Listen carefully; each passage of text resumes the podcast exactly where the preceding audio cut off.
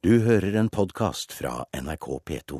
Og så er du kommet i studio, Sigrid Solund, og i Politisk kvarter så har du fått med deg en gjest som har fått et ubehagelig søkelys på seg i det siste. Jonas Gahr Støre har vært regjeringens mest populære medlem. Så kom saken om pengetildelinger, som kanskje kunne gagne en gammel venn.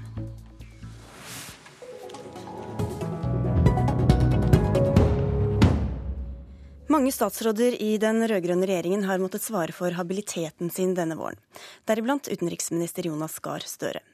I 2008 ga departementet hans 6 millioner kroner til Senter for nordområdelogistikk, der også Støres barndomsvenn Felix Tschudi var en av investorene. Jonas Gahr Støre, velkommen til Politisk kvarter. Takk skal du ha. Nå er det drøyt to uker siden Dagbladet skrev om dette, den første saken. Etter det har det vært eh, mange. Er det noe du i ettertid tenker du skulle sagt eller gjort annerledes?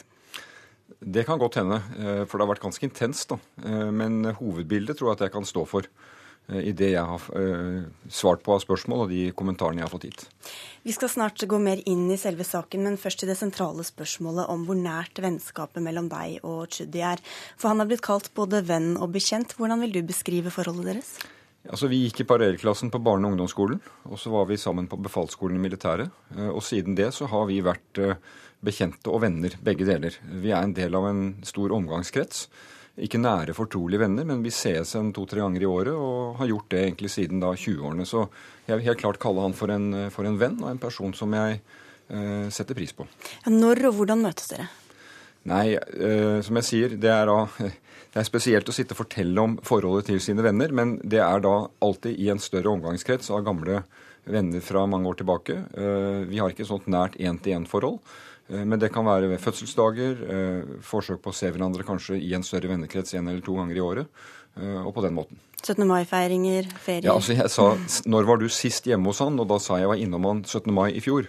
Men det kan handle om ja, fødselsdager, nyttårsaften, på den måten, i en, i en, større krets. Hva avgjør om du vil kalle noen en bekjent eller en nær venn? Ja, Det er et godt spørsmål, og det har jeg tenkt mye på de siste par ukene. For jeg, jeg merker jo at folk jeg kan ha sett ganske lite, i de siste årene, kan allikevel være personer som står fortrolig så nære meg at jeg avgjør at de er en nær og fortrolig venn.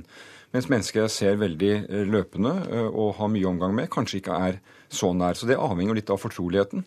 Og det spørsmålet som jo det handler om her, det er hvorvidt den fortroligheten og den nærheten er slik at man da bør vurdere seg inhabil fra saker. Men jeg har sagt i departementet at når det gjelder Felix Tschudi, som er aktiv i næringsvirksomhet i nord, Eh, hvis det kommer saker direkte knyttet til hans selskap på mitt bord for avgjørelse, så vil jeg vurdere spørsmålet om inhabilitet. Men det avhenger av sak og hva slags, eh, ja, hvordan den er utformet. Men Er du enig i at du først ga inntrykk av at dere kanskje var litt mer perifere enn det det viste at dere var? Altså, jeg, jeg sa på mitt første spørsmål til Dagbladet at vi er bekjente i en bredere vennekrets, tror jeg jeg sa. Eh, men det kan godt hende jeg skulle ha sagt 'venn' rett ut med en gang. Jeg har ikke for vane å fornekte mine venner. Han er en venn, eh, og det, det står jeg for. Han var bl.a. i 50-årsdagen din en privat anledning eh, som du oppga som en del av grunnlaget for å vurdere habiliteten din overfor kronprinsparet. Hvorfor dannet den ikke også grunnlag for å få vurdert habiliteten? Jo, men Det var to forskjellige ting. Altså, jeg har kjent Felix Schudi langt lenger enn kronprinsen, så det er en person jeg har et nære kjennskap til. Eh, men når det gjaldt kronprinsen, så stilte noen spørsmål om vil jeg kunne være med å bevilge lønn til kronprinsen når han har vært i 50-årsdagen min. Og det syns jeg var riktig for allmennheten å få vurdert. Eh, og det ba jeg Justisdepartementet vurdere, og de mente at det kunne jeg. Men eh, det var 100 mennesker i min 50-årsdag, og jeg har ikke vurdert habiliteten i forhold til alle 100. De hadde jeg litt ulikt grad av forhold til. men det var i hvert fall slik at de var invitert på den dagen. Vi skal høre mer om bakgrunnen for de sakene som har vært, om hva Felix Tschudi også selv har sagt om forholdet dere imellom. Selvfølgelig etter hvert som, eh, som, man blir eldre og arbeider med forskjellige ting, og eh, livet er ganske hektisk, og man har forskjellige interesser, så ser man det mindre og mindre. Så jeg vil si at det kan være at man beveger seg fra å være en barndomsvenn til å bli en god, gammel bekjent. Eh, men dette er, det er begreper som er sånn sett veldig subjektive. Sa Felix Tschudi til NRK 20. mars, samme dag som Dagbladet første gang omtalte Utenriksdepartementets støtte til Stiftelsen for nordområdet. Utenriksministeren virket skråsikker da han avviste alle spekulasjoner om manglende habilitet. Søknaden ble innvilget. Eh, og det mener jeg vi var fullt skodd til å gjøre, og det heftet ikke spørsmål ved verken Utenriksdepartementet eller min habilitet i den sammenheng. Lederen i kontroll- og konstitusjonskomiteen på Stortinget, Anders Anundsen, var ikke like skråsikker. Jeg mener det ville vært naturlig i denne saken at eh, han foretok en habilitetsvurdering eh, og fikk bistand fra andre for å gjøre det. Sånn at vi slipper denne typen uheldige situasjoner hvor det, hvor det skapes en mistenksomhet rundt, rundt saksbehandlingen i departementet. Det kom etter hvert opplysninger om at det var Støres venn som var primus motor for søknaden om pengestøtte, og ikke Rederiforbundet slik departementet først ga inntrykk av. Og relasjonen mellom redermilliardæren og utenriksministeren er atskillig tettere enn de to først delte med offentligheten. I realiteten var dette et nært forhold, og, eh, og prosjektet har vært et Tschudi-prosjekt hele veien sa Dagbladets kommentator Marie Simonsen i Dagsnytt 18 for en uke siden, da hun og VGs kommentator Fridtjof Jacobsen diskuterte Støres habilitet. Jeg tror ikke det er noe sånn gitt svar på hans habilitet, men det er i hvert fall usikkerhet om habiliteten hans.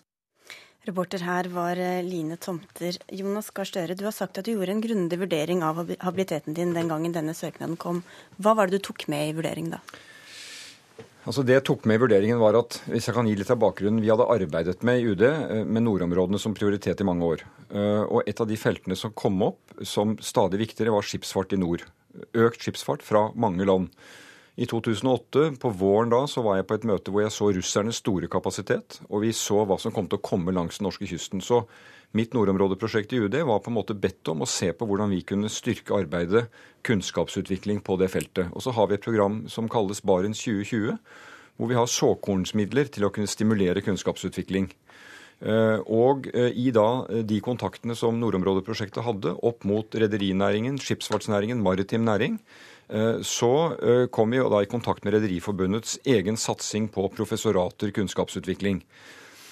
Og i det så ble det på mange måter utviklet eh, konsepter om hvordan man kunne opprette et privat-offentlig samarbeid der næringen gikk inn og støttet et kunnskapsutviklingsprosjekt med akademiske institusjoner, med andre, med forskjellige bedrifter i næringen, og som vi på en måte kunne matche. Og Det var Rederiforbundet som da tok et koordineringsansvar for. I det var Tschudi Shipping, altså selskapet til Felix Tschudi, eh, aktivt med, for det var det rederiet i næringen som svarte på den, eh, den ideen som Rederiforbundet ville utvikle. Slik at da søknaden kom til UD, så kom den fra Norges Rederiforbund. De var den samlede søker. Det er en næringsorganisasjon. Altså, Om jeg hadde kjent eller ikke kjent lederen av et selskap, så ville vi ikke inngått en slik avtale med et privat selskap. Men vi gjorde det med en næringsorganisasjon som kunne binde dette sammen, slik de hadde gjort med en lang rekke andre prosjekter. Og vårt krav var at 50 eh, av finansieringen ville komme fra det offentlige, hvis 50% kom fra private interesser. Og i den søknaden de la på bordet da til slutt, som vi hadde hatt samtaler om, for det, noen har problematisert det, vi hadde samtaler om hvordan man kunne sette sammen noe slik, eh, så var det en, en helhetlig pakke med deltakere fra det private, fra utdanningsinstitusjonene, og som UD kunne matche. Slik at når jeg vurderte det, så vurderte jeg at her er det én, en søknad som kom fra Norges Rederiforbund, som er en aktør jeg mener jeg kan forholde meg til.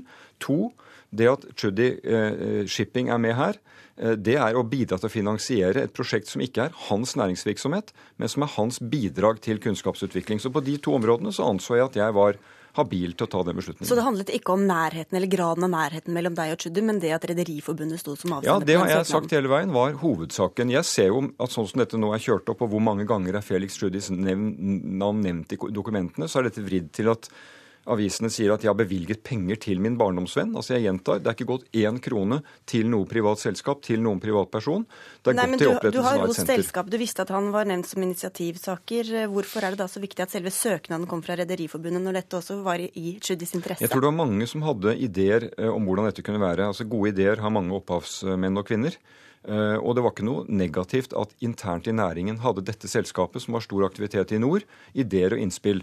Rederiforbundet er jo ikke den som besitter alle de detaljene, akkurat som UD ikke besitter alle de detaljene. Men du skjønte at dette også kunne tjene hans interesse, at dere spyttet inn penger? Altså, jeg, jeg håper at det kommer til å tjene manges interesser, at du får kunnskapsutvikling. Når du ser på hva dette senteret har drevet med i disse årene som har gått, det er ennå ett år igjen av prosjektet, så har det jo vært en lang rekke seminarer, arrangementer, publikasjoner, særlig mot russisk side, som vi la veldig vekt på måtte være en del av prosjektet. Eh, og når han har gått inn i det, i det, prosjektet, så går jeg ut fra at han også trekker fordel av den kunnskapen. Men når du da så og visste hans, hans initiativ og deltakelse i dette prosjektet, hvorfor valgte du ikke å få andre også til å vurdere din habilitet? Det skjønner jeg at folk spør. Og da vil jeg si det at når det gjelder dette med habilitet, hvorvidt vi i, anser oss selv uhildet til å ta en beslutning, så er regelverket slik at det må vi vurdere selv. Hvis vi er i tvil, så kan vi gå til vårt embetsverk eller gå til Lovavdelingen i Justisdepartementet. Jeg hadde delt med mine medarbeidere i UD at jeg hadde et kjennskap til Felix Tschudi som gjorde at hvis det kom søknader fra han, at vi måtte ha en varsomhet i forhold til det. Uh, av de grunner som jeg her nevner. Dette var ikke en slik søknad, så jeg anså at jeg var habil for det. Men jeg respekterer at folk ser det annerledes, og jeg tar ansvar for den beslutningen. Poenget er at det var, skjedde for fire år siden. Jeg mente jeg var habil til å ta den, og jeg tar ansvar for det. Og dette skal jeg redegjøre for uh, Stortingets kontrollkomité, og så får vi se hva de mener på det. Og jeg ser at noen kritiserer det, og det, det respekterer jeg og tar til meg, men, men jeg, jeg må bare gjengi sånn som jeg så det i 2008, at med søknaden fra Rederiforbundet til et formål som falt klart innenfor nordområdestrategien, Eh, den var jeg habil til å kunne innvilge. Og at det da også kunne tjene Felix Judy, din venn? Ja, men Det er diskusjonsspørsmål om det kunne tjene. Han brukte seks millioner kroner på dette. I utgangspunktet betalte han jo for noe. Men jeg regner jo med at når du er med på å satse på kunnskapsutvikling, så regner du med at du får noe igjen for det. Men det er ikke i form av en investering eller betale penger til, eller noe kommersielt, da, tenker så, jeg. Så det må være mer direkte for at du skal vurdere at du er inhabil? Altså det må være en mer direkte, klar eh, tjening på det? Ja, eller for å si det sånn, vi, som jeg også da har sagt flere ganger, at hvis det kommer en sak på mitt bord som direkte berører hans næringsinteresser, ikke nødvendigvis Eh, noe du skal tjene på, men en sak som berører næringsinteressene hans på en eller annen måte, fordi han gjennom årene har blitt en mye mer sentral aktør oppe i Kirkenes og i nord, så vil jeg da ta stilling til min habilitet. Og det er en erkjennelse at jeg og legger ikke skjul på det, at jeg kjenner han, kjent han i mange år, og da må jeg vurdere det. Jeg anså ikke at den kjennskapen var det avgjørende spørsmålet i 2008, men at Rederiforbundet som en stor næringsorganisasjon stilte seg bak et prosjekt og søkte på vegne av flere. Men det har jo også vært denne andre saken om, eh, eller flere saker, og en av dem handler om at du og Karl Eirik Schjøtt-Pedersen i sin tid skal ha fått daværende miljøvernminister Helen Bjørnøy til å snu i en sak som involverte Tschudis rederi, der han hadde klaget på et avslag. Var du involvert i den saken? Uh, jeg uh, Altså, det var ikke min sak. Uh, det var ikke en sak jeg førte. Men, men at jeg målbar i regjeringen de standpunktene som var hos lokale myndigheter i nord, i mange miljøer i nord. som en, altså han var en av klagerne, det ser jeg. Eh, men det var også flere andre som klaget på det, og det gikk på næringsutvikling rundt dette med omlastning. Hvordan syns du det ser ut da, at du taler hans uh, sak? Ja, Jeg vil ikke si at jeg talte hans sak, men jeg talte det, det perspektivet bl.a. i forhold til Russland, fordi det handler om omlastning fra fartøyer som kommer fra Russland. Men også der ser jeg at det kan man diskutere, hvorvidt jeg i den saken da ikke burde delta i den diskusjonen. Men det var som sagt ikke min sak, og det var ikke en sak jeg var veldig aktiv i. Og den fremstillingen at vi skulle ha presset noen det er ikke sånn vi driver politikk i regjeringen. Vi finner løsninger. Men Du sier du ser det, men burde du ikke gjort det? Det, det, kan, det, det kan, diskuteres uh, om, jeg, om jeg burde gjort det. Nei, jeg, men, jeg, mener at det er en større tvilstilfelle egentlig enn den andre saken. fordi at uh, Da var det en sak som berørte hans næringsinteresse. Men dette var altså i 2006-2007. Og da var de mindre omfattende enn de var. Men de siste par årene så har jeg sagt fra klart i Utenriksdepartementet at det forbeholdet må jeg ta om det kommer en sak som direkte berører ham. Så et snev av selvkritikk kan vi Ja, men du vet at det er jeg helt åpen på. Jeg er åpen på at jeg kan ha gjort feil her. Jeg er åpen på å lytte til de kritikerne som melder seg. Men jeg kan ikke gjøre om den beslutningen jeg tok. Og jeg mener jeg, den var riktig da, og jeg, jeg, står for den. Tar ansvar for den. Audun Lysbakken gikk av etter å ha gitt penger til en stiftelse der en venn av ham sto sentralt. Hvordan skiller det Lysbakken gjorde seg fra det du har gjort i disse to tilfellene vi har vært inne på? Ja, nå vil jeg ikke jeg gjøre meg til dommer over Audun Lysbakkens valg. Eh, og jeg sitter i denne regjeringen på oppdrag av statsministeren, og regjeringen har et forhold til Stortinget, og det skal vi nå redegjøre for grundig i forhold til Stortinget. Så det, den vil ikke jeg gå inn på. Annet enn at jeg mener at det er to helt forskjellige saker, helt forskjellige typer saker. Men jeg tror jeg aller minst skal drive og, og, og jamføre meg med, med, han. Kommentatorer har hevdet at denne saken viser en arroganse hos deg, at du er hevet over andre. Er du det? Jeg må respektere at de sier det, men uh, jeg, jeg, mener jo ikke det. Jeg forsøker å svare på spørsmål, men jeg syns det har vært veldig krevende. fordi her har det lagt et løp fra dag én. Dagbladet trakk sin konklusjon i det første oppslaget. Jeg mener dekningen har vært ganske ensidig. Det er, det er ikke først... Dagbladet her til å svare på. Nei, det er helt riktig. Men altså, jeg er ikke der når Dagbladet skriver heller sine kommentarer. Og jeg mener at det å få på også andre stemmer om hvordan dette prosjektet er blitt utviklet, det begynner å komme nå. Men det er etter to uker med ganske ensidig kjør, og, og, og jeg har forsøkt å svare på det de få gangene jeg har sluppet til. og det eh, så får folk mene det de vil om det. Du har vært en veldig populær eh, statsråd på et politikkfelt der det er stor enighet blant eh, norske politikere. Ofte vært i media vel så mye for å orientere eller kommentere som for å debattere. Hvordan har det vært for deg nå å, å få kritikk? Det må jeg tåle. Altså, jeg har ønsket å få til ja, få til forandringer i nord, bl.a. på nordområdene. Vi har gjort eh, etter mitt skjønn ganske mange viktige ting for det som skjer i nord. At det kommer kritikk på enkeltprosjekter av det, det må vi absolutt tåle. Og jeg tåler veldig godt at pressen går oss etter i sømmene. Eh, et par dager før dette brøt løs, så holdt jeg et foredrag hvor jeg sa hvor glad vi skal være for at vi har en presse som eh, går etter oss og skal se det vi gjør. og Noen ganger kan det være ubehagelig, men sånn skal det være. for Sånn må demokratiet fungere. Så det tåler jeg veldig godt. Med det er Politisk kvarter slutt for i dag. Vi tar en pause til over påske. Imens kan du høre denne og tidligere sendinger via podkast. Men det er vel ikke bare det du skal gjøre påsken, Støre? Eh, nei, jeg håper jeg får litt hvile og litt eh, fjell. Og hvis det er noe snø, så skal jeg ta for meg av det nå. Takk skal du ha for at du kom til Politisk kvarter. Jeg heter Sigrid Solund. Nå fortsetter P2s Nyhetsmorgen med Øystein Heggen i studio. Du har hørt en podkast fra NRK P2.